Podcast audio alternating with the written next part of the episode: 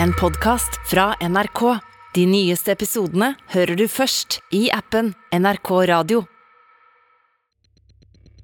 Natt til 30. oktober 2011 ringer en taxipassasjer i Oslo 113. Eftersom det er halloween så tror både jeg og taxisjåføren at det er et skämt. En mann dekka i blod har nettopp krabba inn i bilen. Så jeg står med armene ut til hver side og roper 'hva faen er det du gjør?' Og da jobber jeg fortsatt med å ta inn over meg hva er det egentlig som skjer her. Utafor et studentkollektiv på Bislett har en mann skrevet Gud på veggen i sitt eget blod. Og så ser jeg jo at det er eh, politimenn som står i, i leiligheten.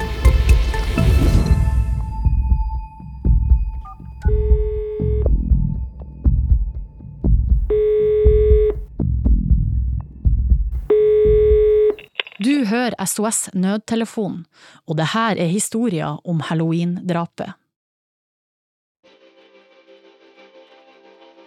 Når jeg er 19 år, så er jeg jo fast bestemt på at nå skal jeg komme meg til Oslo. Året er 2009, og Marius Løken fra Hallingdal skal endelig flytte fra bygda til storbyen. Komme inn på, på BI. Skal sies at det gjør veldig mange, men jeg syns det var gjevt.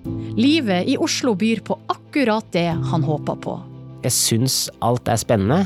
Ting er dyrt, men det kan jo oppsummeres litt sånn eh, humoristisk med at jeg spiser Bislett kebab til det tyter ut av øra på meg. Jeg må lære meg å like sushi. Jeg, eh, det at ingen står og forteller meg når du, når du skal gå til køys, gjør jo at du får jo en helt annen hverdag. Så er det en kombinasjon da av komme til en storby med masse muligheter, en storby som Det er ikke New York, men eh, til en viss grad så kan man også si at Oslo heller aldri sover helt. Etter hvert flytta Marius inn i ei leilighet i Pilestredet 70, i samme bygård som sin mor og søster. Han flytta inn med en god venn fra Hallingdal, som vi har valgt å kalle Espen. Jeg husker når jeg først møtte Espen, det var jo når jeg starta på Gol videregående. Da husker jeg at inntrykket mitt Det var jo veldig sånn overfladisk, men han hadde en sånn slags attitude som var sånn eh, jeg klarer meg selv-attitude, eller jeg er blant de tøffe. Men bak det tilsynelatende litt tøffe ytre var Espen en undrende og reflektert gutt. Han var veldig nysgjerrig i forhold til hva er det som eh, bor i oss mennesker, hvordan er det verden er satt sammen, og det er nok litt sånn bærende for hvordan, eh, hvordan personligheten hans også var, at liksom, er det noe mer her, er det noe mer mellom himmel og jord, eh, hvordan fungerer, holdt på å si, universet, altså han var veldig nysgjerrig på, på det planet der, da. Når vi ble veldig nære, så fungerte det vennskapet omtrent som om vi skulle hatt det i 20 år. Så er da Espen en person jeg kan prate med om følelser, og så er det en skilsmisse mellom mor og far, og det går jo øh, relativt tungt innpå meg. Men da er jo blant annet Espen da en av de som, øh, som er tettest på, og som ja, virkelig er en støtte da, gjennom noe som er tungt, som er da det jeg vil si min første ordentlig store utfordring, da. Marius og Espen begynner å jobbe som telefonselgere ved sida av studiet. Her blir de kjent med Oslo-gutten André, som også flytta inn i kollektivet. Det var nok det første kollektivet jeg bodde i. Så vi var sammen hjemme, vi var sammen på fritiden, vi var sammen når vi jobbet. Og vi spiste alle måltidene våre sammen. Jeg tror noe av det jeg likte best med, med Espen, det var en person jeg i hvert fall veldig fort eh, jeg følte meg trygg rundt. Føle at du kan være i samme rom uten at det er behov for en samtale. Uten at det føles rart.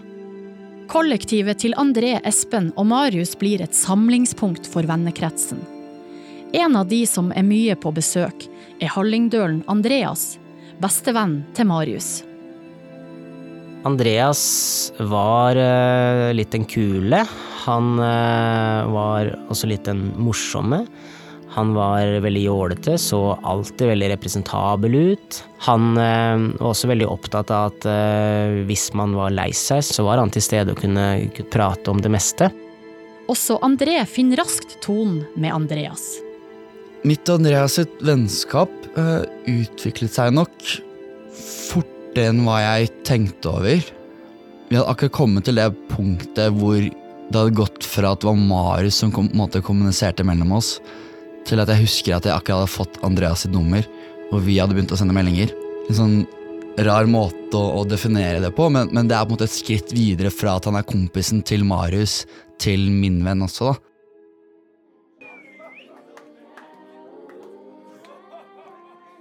Lørdag 29. oktober 2011, noen måneder etter at de har flytta inn, er det halloween. Så både jeg, Espen og Marius har jo vært ute dagen før, og vi har egentlig ikke lyst til å ta til å være ute, eller til å dra ut. Men uh, Marius har invitert uh, denne gjengen bort som ingen av oss helt kjenner. Etter hvert som mørket fall kommer gjestene. Blant følget er også Andreas. Så kommer folka, og Andreas hadde jo da kledd seg ut. Han eh, hadde et eh, ganske tøft kostyme av Zorro. Bart og frakk og pålimt eightback eh, på magen, og det var veldig mye karakter. Men det passa jo med han som var klassens klovn og likte å showe, og det var jo den helgen hvor, det, hvor man gjerne gjorde noe ut av halloween, for det var jo siste helgen i oktober. Espen og André er ikke i festhumør, og derfor trekker de inn på rommet til Espen. Men for de andre har festen så vidt begynt. Vi skal ta en tur på byen, mens Espen og André de er slitne og velger å bli hjemme. Andreas er sistemann ut døra. På vei ut sier han ha det til André. Lurer på om han sa etter han glad i deg, kompis, gleder meg til å bli bedre kjent med deg.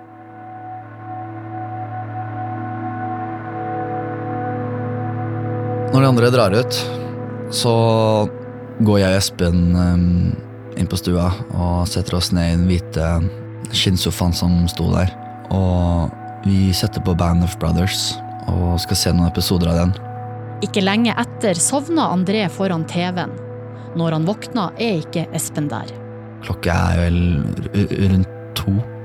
TV-en står og lyser, og jeg husker jeg går inn, inn i gangen og åpner rommet til Espen, hvor Espen ligger på PC-en og holder på. De sier god natt, og André går og legger seg. Den natta har jeg et mareritt. Det er noen Nazgul som flyr over meg fra Ringenes herre, som skriker. Og går litt fram og tilbake fra en drøm til våken tilstand. Det er noe bråk, det er noe skrik, men for trøtt til å reflektere over hva eller hvor de skrikene kommer fra.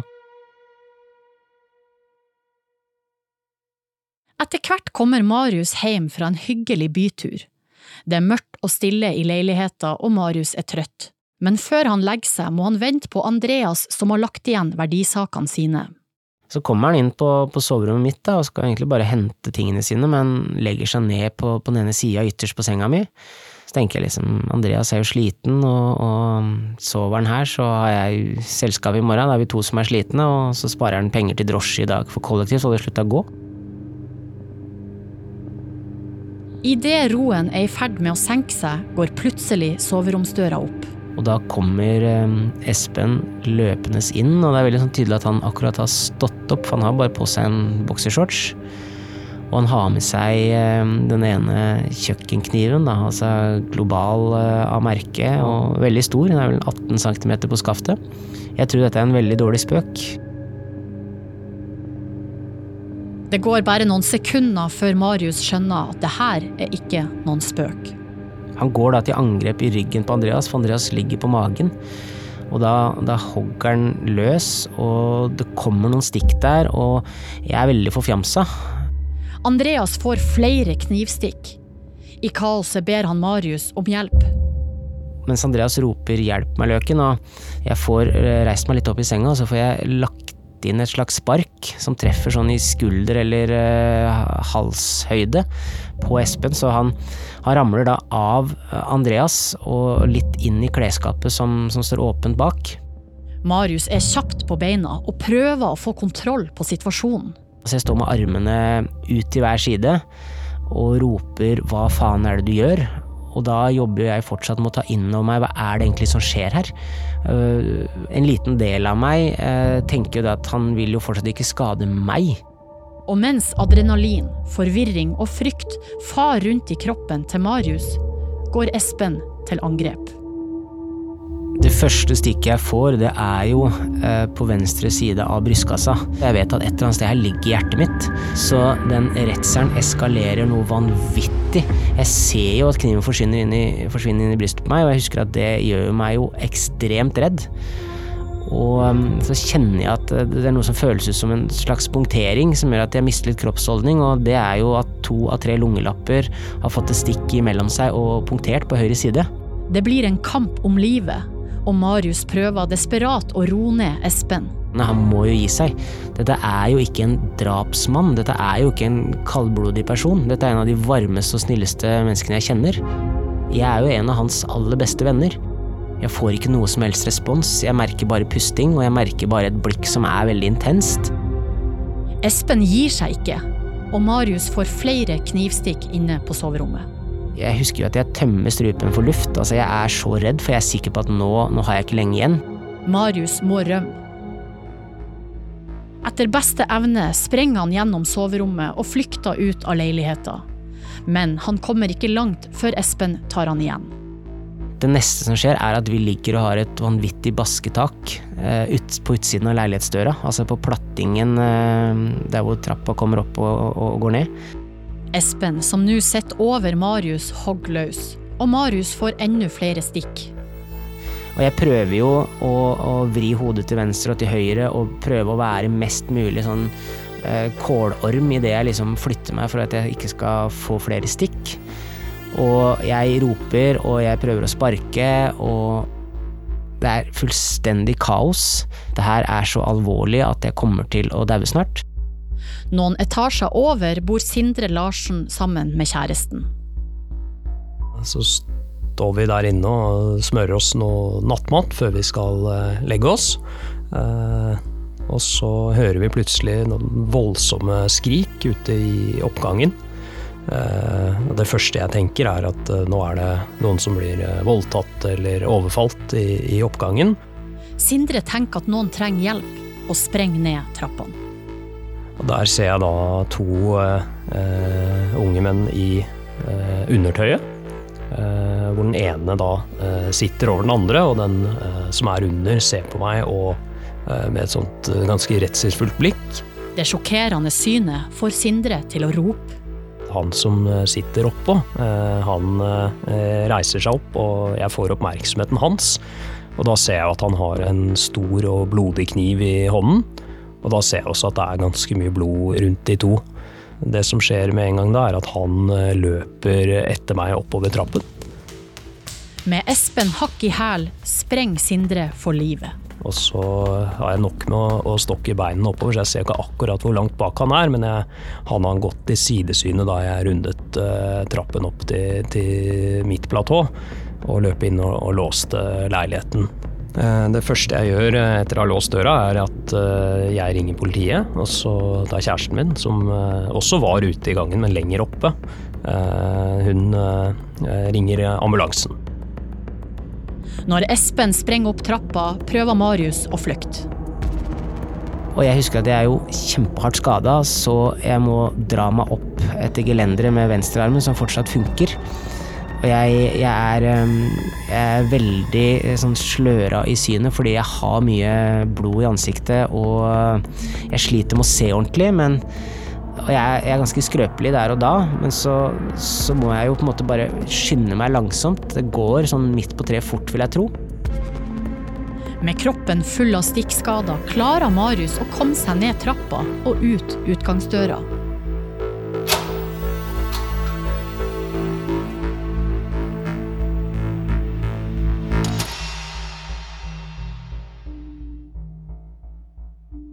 Det er mange som er på halloweenfest i Oslo denne kvelden.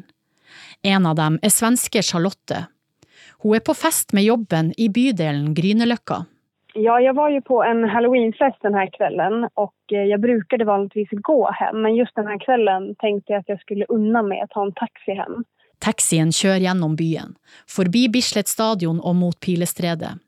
Her, i et lyskryss, stopper den på rødt lys. Når taxin stannar ved lyskrysset så står vi der en liten stund og plötsligt plutselig så öppnas passagerardörren. och eh, in kliver det en man som eh, bara har kalsonger på sig och han är helt täckt i blod. Och eftersom det här är, eh, eftersom det är halloween så tror ju både jag och taxichauffören att det är ett skämt. Det är någon som är utklädd och har fejkblod på hela kroppen. Så att vi ber honom gå ut ur bilen. Men Marius, som nesten ikke er ved bevissthet, rør seg ikke. Så ungefär samtidigt upptäckte nog taxichauffören och jag att han har ju fullt med stickskador på överkroppen. Och jag hör hur han svagt säger hjälp mig. Men det går ikke att prate prata med honom, man får ikke ut honom någonting mer. Taxisjåføren sprenger rundt bilen og får lukka døra på Marius' si side, før han sprenger tilbake, setter bilen i gir og trykker hardt på gasspedalen. Charlotte ring 113. Hallå, de medicinska med. De ber meg å holde honom vaken, at jeg skal prate med honom. Eh, och eh, jag gör det enda til vi kommer fram til legevakten, der det står en ambulans. Det var jo svårt å holde Marius vaken, men hva jeg jag kan minnes, var han jo vaken hele tiden. Man fikk svaga svar fra honom, men gikk ikke å føre en konversation. Eller det går ikke å føre en konversasjon. Taxien raser gjennom gatene mot legevakta. Taxituren fra det her lyskrysset og ned til legevakten, der puter jo taxisjåføren hele tiden. Han kjører veldig fort. Og han puter hele tiden for å få andre biler å flytte på seg. Men det er jo ingen som forstår hvorfor de skal flytte på seg for en helt vanlig taxi. Til slutt kommer taxien frem til legevakta. Her blir de møtt av ambulansen som avtalt. Og så er det noen som tar eh, noen armer inn bak, eh, bak i ryggen min og, og drar meg ut. Ambulansepersonellet får Marius raskt i bilen og kjører mot Ullevål sykehus.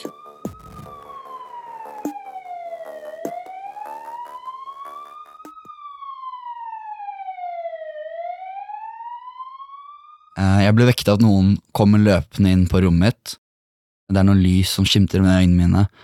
Det er flere stemmer. Jeg klarer ikke helt å skille hva som blir sagt. Tilbake i leiligheta i Pilestredet har André sovet gjennom den dramatiske hendelsen. Nå står det noen på rommet hans og snakker til han. Ordene blir gjentatt, og de blir tydeligere og tydeligere.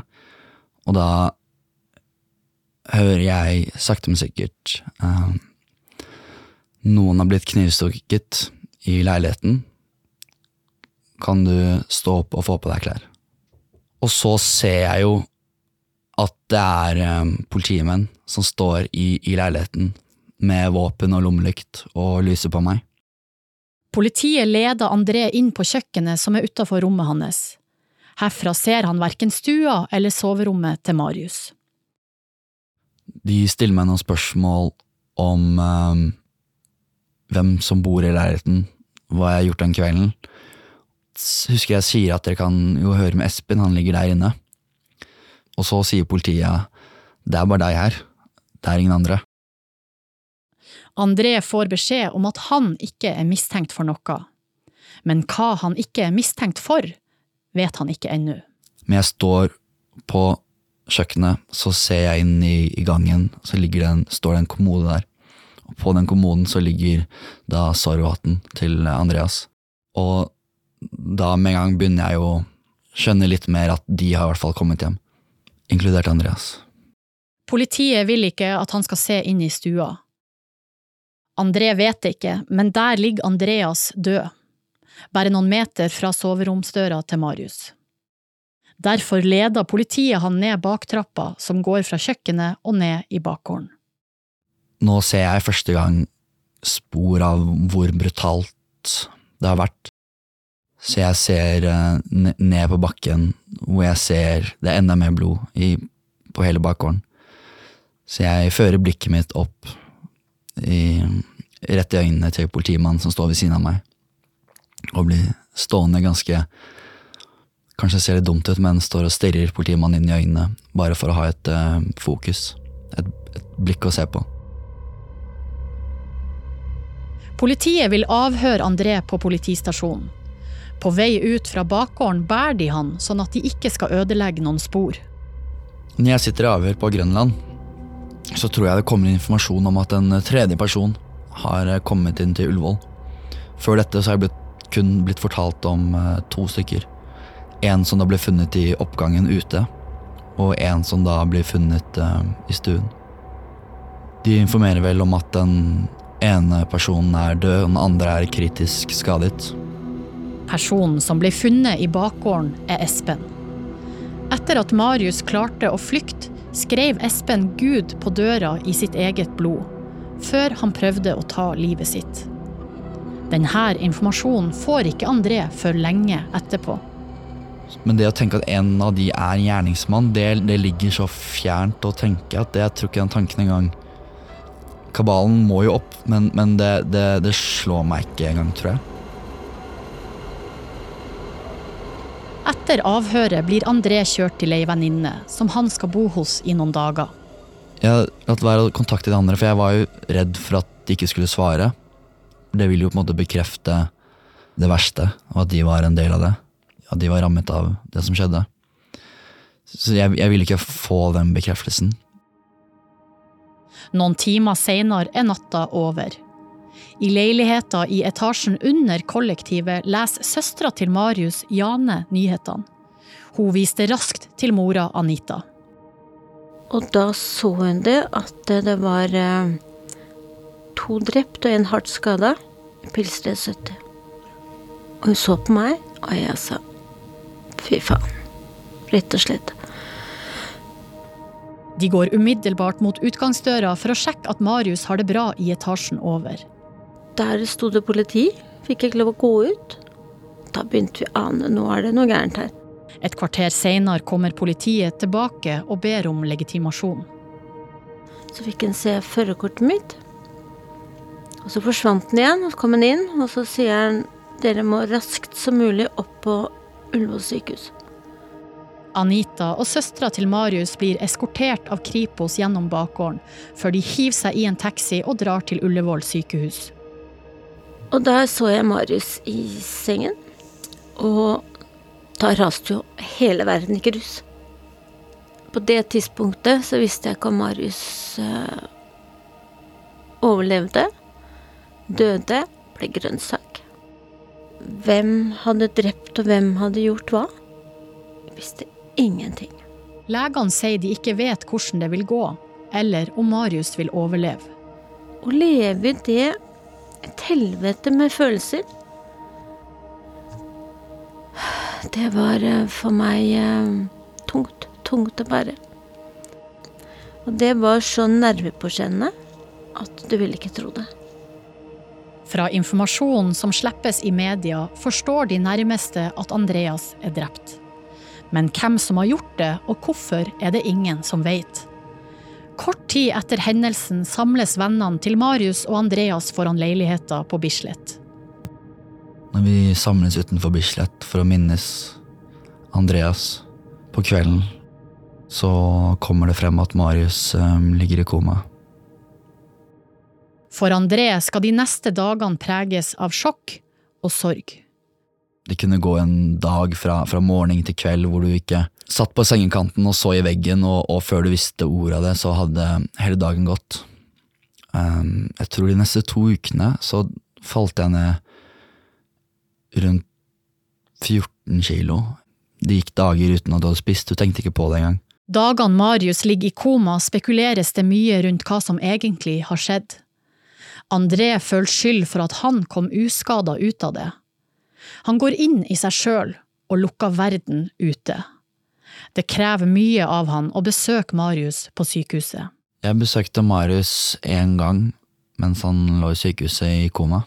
Når jeg eh, kom opp der og så han ligge tilkoblet til alle maskinene, så følte jeg jo enda sterkere på det jeg hadde følt tidligere.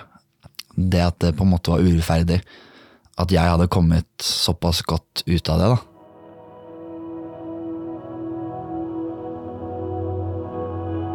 Etter elleve dager og en rekke kompliserte operasjoner våkna Marius fra koma. Når jeg våkner opp på sykehuset, så eh, er jeg jo fortsatt full av medisiner. Jeg eh, vet ikke eh, bak og fram på meg selv. Jeg er det man kaller ordentlig i ørska. Jeg er jo full av ledninger, jeg er stifta sammen, det er masse plaster og bandasje og sting som er synlig. Jeg er kjempesvak, så jeg får liksom ikke reist meg ordentlig opp, og jeg er så langt nede og så sårbar i den situasjonen. Og jeg ligger jo også og skal avvennes medisiner, så jeg ligger og rister og, og får ikke sove og ligger bare og stirrer ut i veggen.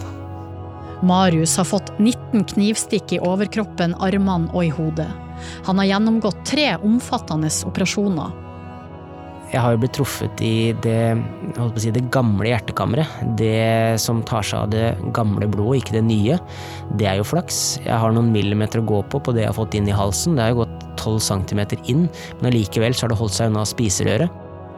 Marius kan ennå ikke snakke, og han får ingen informasjon om hva som har skjedd. Først på dag to, når faren er på besøk, klarer han å kommunisere med penn og papir. Sykepleierne de har hatt rundt meg, de, de har ikke gitt meg noe særlig informasjon.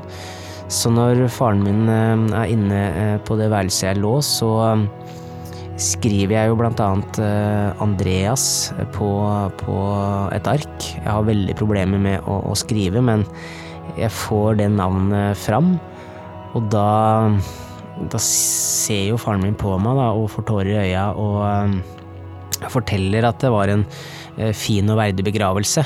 Og da, da husker jeg at jeg, jeg, mister det helt. Jeg går uh, enda lenger ned i kjelleren, og der da så visste jeg ikke at det var mulig. Marius får høre at Espen også ligger på sykehuset, bevokta av politiet. Han får også vite at politiet har danna seg et bilde av hendelsesforløpet, men at de ikke vet hvorfor det skjedde. Når jeg begynner å ta inn over meg hva som har skjedd, og jeg får nyheten om at Andreas ikke lever, så er det første som oppstår, et glødende sinne og hat. Jeg er så frustrert, og jeg er så sint, og jeg syns det er så urettferdig at der og da, når jeg ligger i sykesenga, så er alt jeg tenker på at han skal jeg finne en måte å kverke på et eller annet vis. Fordi dette her kan ikke gå, gå ubetalt hen. Men sinnet glir etter hvert over i sorg. Én ting er jo at Andreas er ute av livet mitt, som er kjempetungt. Og det er et kjempesavn etter en ordentlig lojal bauta, altså en storebror, i vennegjengen. Men så merker jeg også at en av de mest reflekterte, og den jeg kunne prate om om følelser, han er jo også borte, for det var jo Espen. Syns det er så tragisk og urettferdig og fortvilende at jeg veit ikke hvor jeg skal gjøre av meg. Så jeg ligger der i sykesenga, har mista to viktige venner som jeg hadde trengt i rehabiliteringa. Eh, det er en sorg, det er et traume, jeg har et kjempetillitsbrudd. Når noe sånt kan skje med meg og mine, hvem er ikke kapabel til å skade meg da? Det er mange som kommer på besøk til Marius, og familien er nær han hele veien. Etter hvert kommer også André. Jeg visste ikke hvordan Marius hadde det, og hva han tenkte. Jeg husker jeg kommer inn til Marius, og du En del av deg vil komme i naturlig forsvarsposisjon. For du prøver å beskytte Det er en form for skam, da. Som er helt sikkert ikke rasjonell å føle. Eller begrunnet, men du føler på det. Du, du føler på en skyldfølelse. Han har det jo virkelig ikke bra. Og det føltes veldig naturlig å ta en litt sånn storebrorrolle der og da. Det var et veldig, veldig sterkt møte, og Tross alt så var André den nærmeste personen til historien, og derfor vil jeg jo si at fra den dagen av så ble jo det båndet jeg og André har, enda sterkere. Etter nesten fire uker blir Marius skrevet ut. Han er fortsatt svak og har store smerter. Han sliter med mareritt og sover svært dårlig. Jeg er en, en vandrende zombie i lang tid. Jeg prøver å gjøre litt normale ting. Jeg kan knekke sammen i gråt. Jeg ligger i mine egne tanker og er, jeg er redd, jeg er engstelig, jeg tror jeg kan dø i morgen. Jeg tror folk skal skade meg, og jeg, eh, jeg syns der og da at livet er så urettferdig, og hvorfor skulle dette her bli min skjebne? Hva, hva kan jeg gjøre videre i livet nå? Det er faktisk komplisert i, jeg vil si cirka halvannet år, da så er jeg nede i en kjeller, og jeg kommer meg, jeg kommer meg søren ikke opp, altså. Marius går til fire forskjellige psykologer uten at det hjelper. Men når han blir introdusert for psykiater Lars Weiseth, endrer alt seg. Det med Lars Weiseth, han er jo den tidligere sjefpsykiateren til Forsvaret. Overlege på Gaustad. Han har jobba tett med, med, FN. Han har hjulpet folk som har tjenestegjort, altså Nato-styrker osv. Han rekonstruerer. Han eh, forklarer meg om skyldfølelse. Han deler opp traumene mine og forklarer eh, hva som er vanlig, hvorfor de er kompliserte. Lars gir Marius verktøyene han trenger for å komme seg videre. Marius begynner å trene og får vanlige rutiner igjen. Endelig går det riktig vei.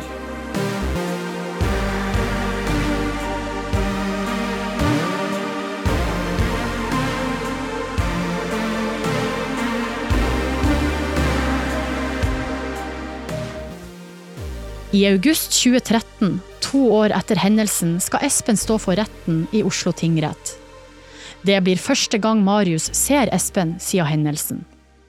Og så kommer da Espen inn med politieskorte, og jeg husker at jeg tør ikke å se.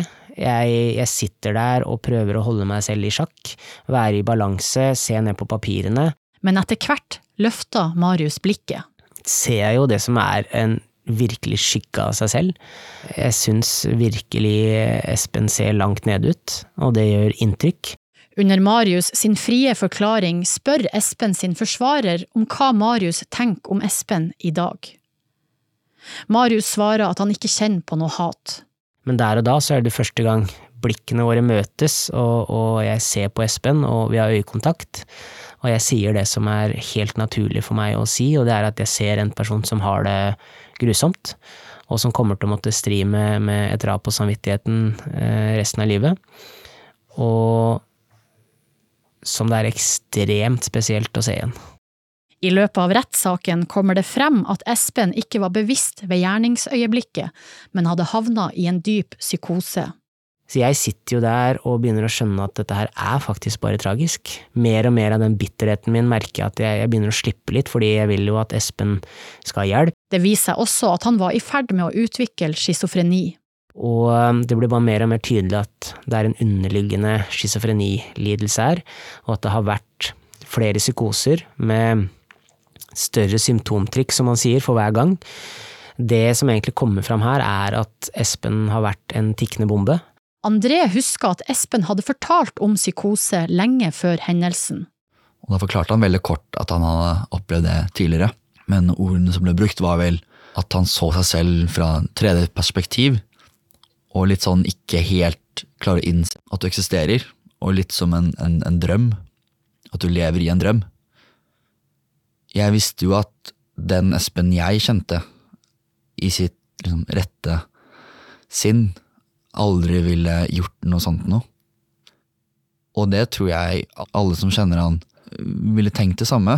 Retten erklærer Espen for utilregnelig i gjerningsøyeblikket, og han blir dømt til tvungen psykisk helsevern i to år.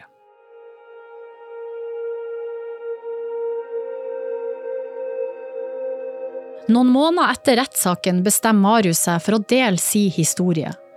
Han ønsker at hans erfaring skal kunne være til hjelp for andre. Først gir han ut ei bok, så begynner han å holde foredrag. Det å være så åpen gjør jo at veldig mange andre er åpne med meg om hva de har opplevd. Og det tror jeg er en del av det med at jeg har tatt eierskap som har gjort at eh, det går så bra som det gjør den dag i dag. Det er jo at jeg har funnet en arena hvor det jeg har opplevd, ikke føles forgjeves. I dag lever Espen et vanlig liv på et lite sted i landet. Han ønsker ikke å kommentere saken i denne podkasten. Marius lever av å holde foredrag og dele sine erfaringer.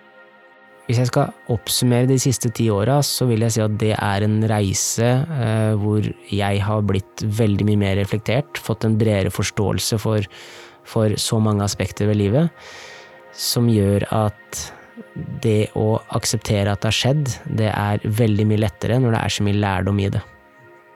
Likevel vet han at hans egen reise ikke er ferdig, og at det som skjedde på halloween i 2011 er noe han må bære med seg resten av livet. Det er klart, eh, jeg kommer jo aldri til å slutte å savne det som var, og, og jeg savner jo Andreas, eh, og prøver å hedre han som best. Jeg savner de gode pratene jeg hadde med Espen. Jeg savner at livet var litt uskyldig og barnslig, for det var det jo. Men jeg er også veldig glad for at jeg har fått en livslærdom som det jeg har fått. For det er noe med at en del dører lukkes, eh, og da er det også mulig at noen nye åpnes. Som gjør at jeg, jeg har en uh, fantastisk jobb i dag. Jeg har en fantastisk ramme rundt meg. I dag har både Marius og André stifta familie, og de har et nært vennskap. Marius er ikke i tvil om hvem som har gjort det mulig. Naboen, at han turte å oppsøke situasjonen. Drosjesjåføren, helt rått kjørt hjelpen fra baksetet, helt avgjørende. Et ambulanseteam som, som er brennkvikke når de møtes uh, med drosja på legevakta. Leger som er handlekraftige og som veit hva de gjør, og som klarer å lappe meg sammen. Og så er det noe med all den kjærligheten jeg møtte på sykehuset. Den ivaretagelsen jeg fikk der oppe. De gode samtalene, uh, alle de uh, sparringene jeg hadde med sykepleiere når jeg ikke fikk sove, og ikke minst alle de menneskene jeg da har møtt i rehabiliteringsfasen, det er eh, det vakreste jeg har opplevd noen gang. Og, og eh, det fortjener all heder og ære.